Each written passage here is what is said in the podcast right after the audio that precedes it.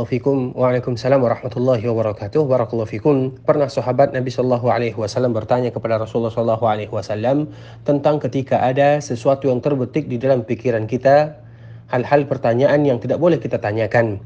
Maka Nabi sallallahu alaihi wasallam memerintahkan kepada kita untuk meminta perlindungan kepada Allah Subhanahu wa taala dari musuh kita. A'udzubillahi minasyaitonir rajim.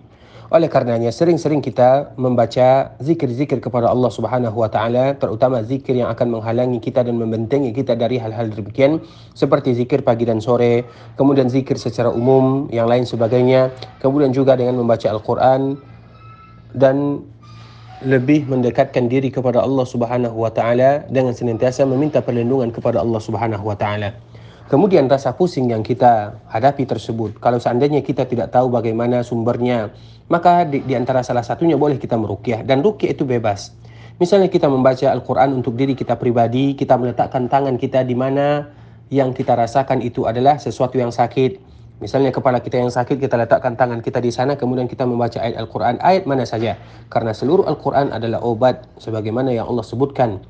Atau seandainya kalau kita memilih, maka kita baca Al-Fatihah, ayat kursi, kemudian ayat-ayat yang mudah saja, dua ayat terakhir dalam surah Al-Baqarah, kemudian juga Qul huwallahu ahad, Al-Falaq dan An-Nas, kemudian kita membaca, meletakkan tangan kita. Atau juga kita membaca dan meletakkan tangan kita di tempat yang sakit tersebut, kalimat yang diajarkan oleh Rasulullah SAW, Bismillah, Bismillah, Bismillah, kita ucapkan tiga kali, kemudian kita membaca A'udzu bi'izzatillahi wa qudratihi min syarri ma ajidu wa uhadzir.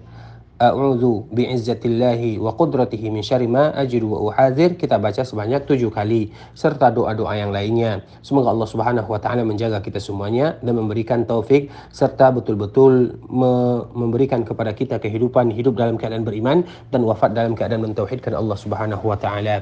Barakallahu fikum wa jazakumullahu khairan.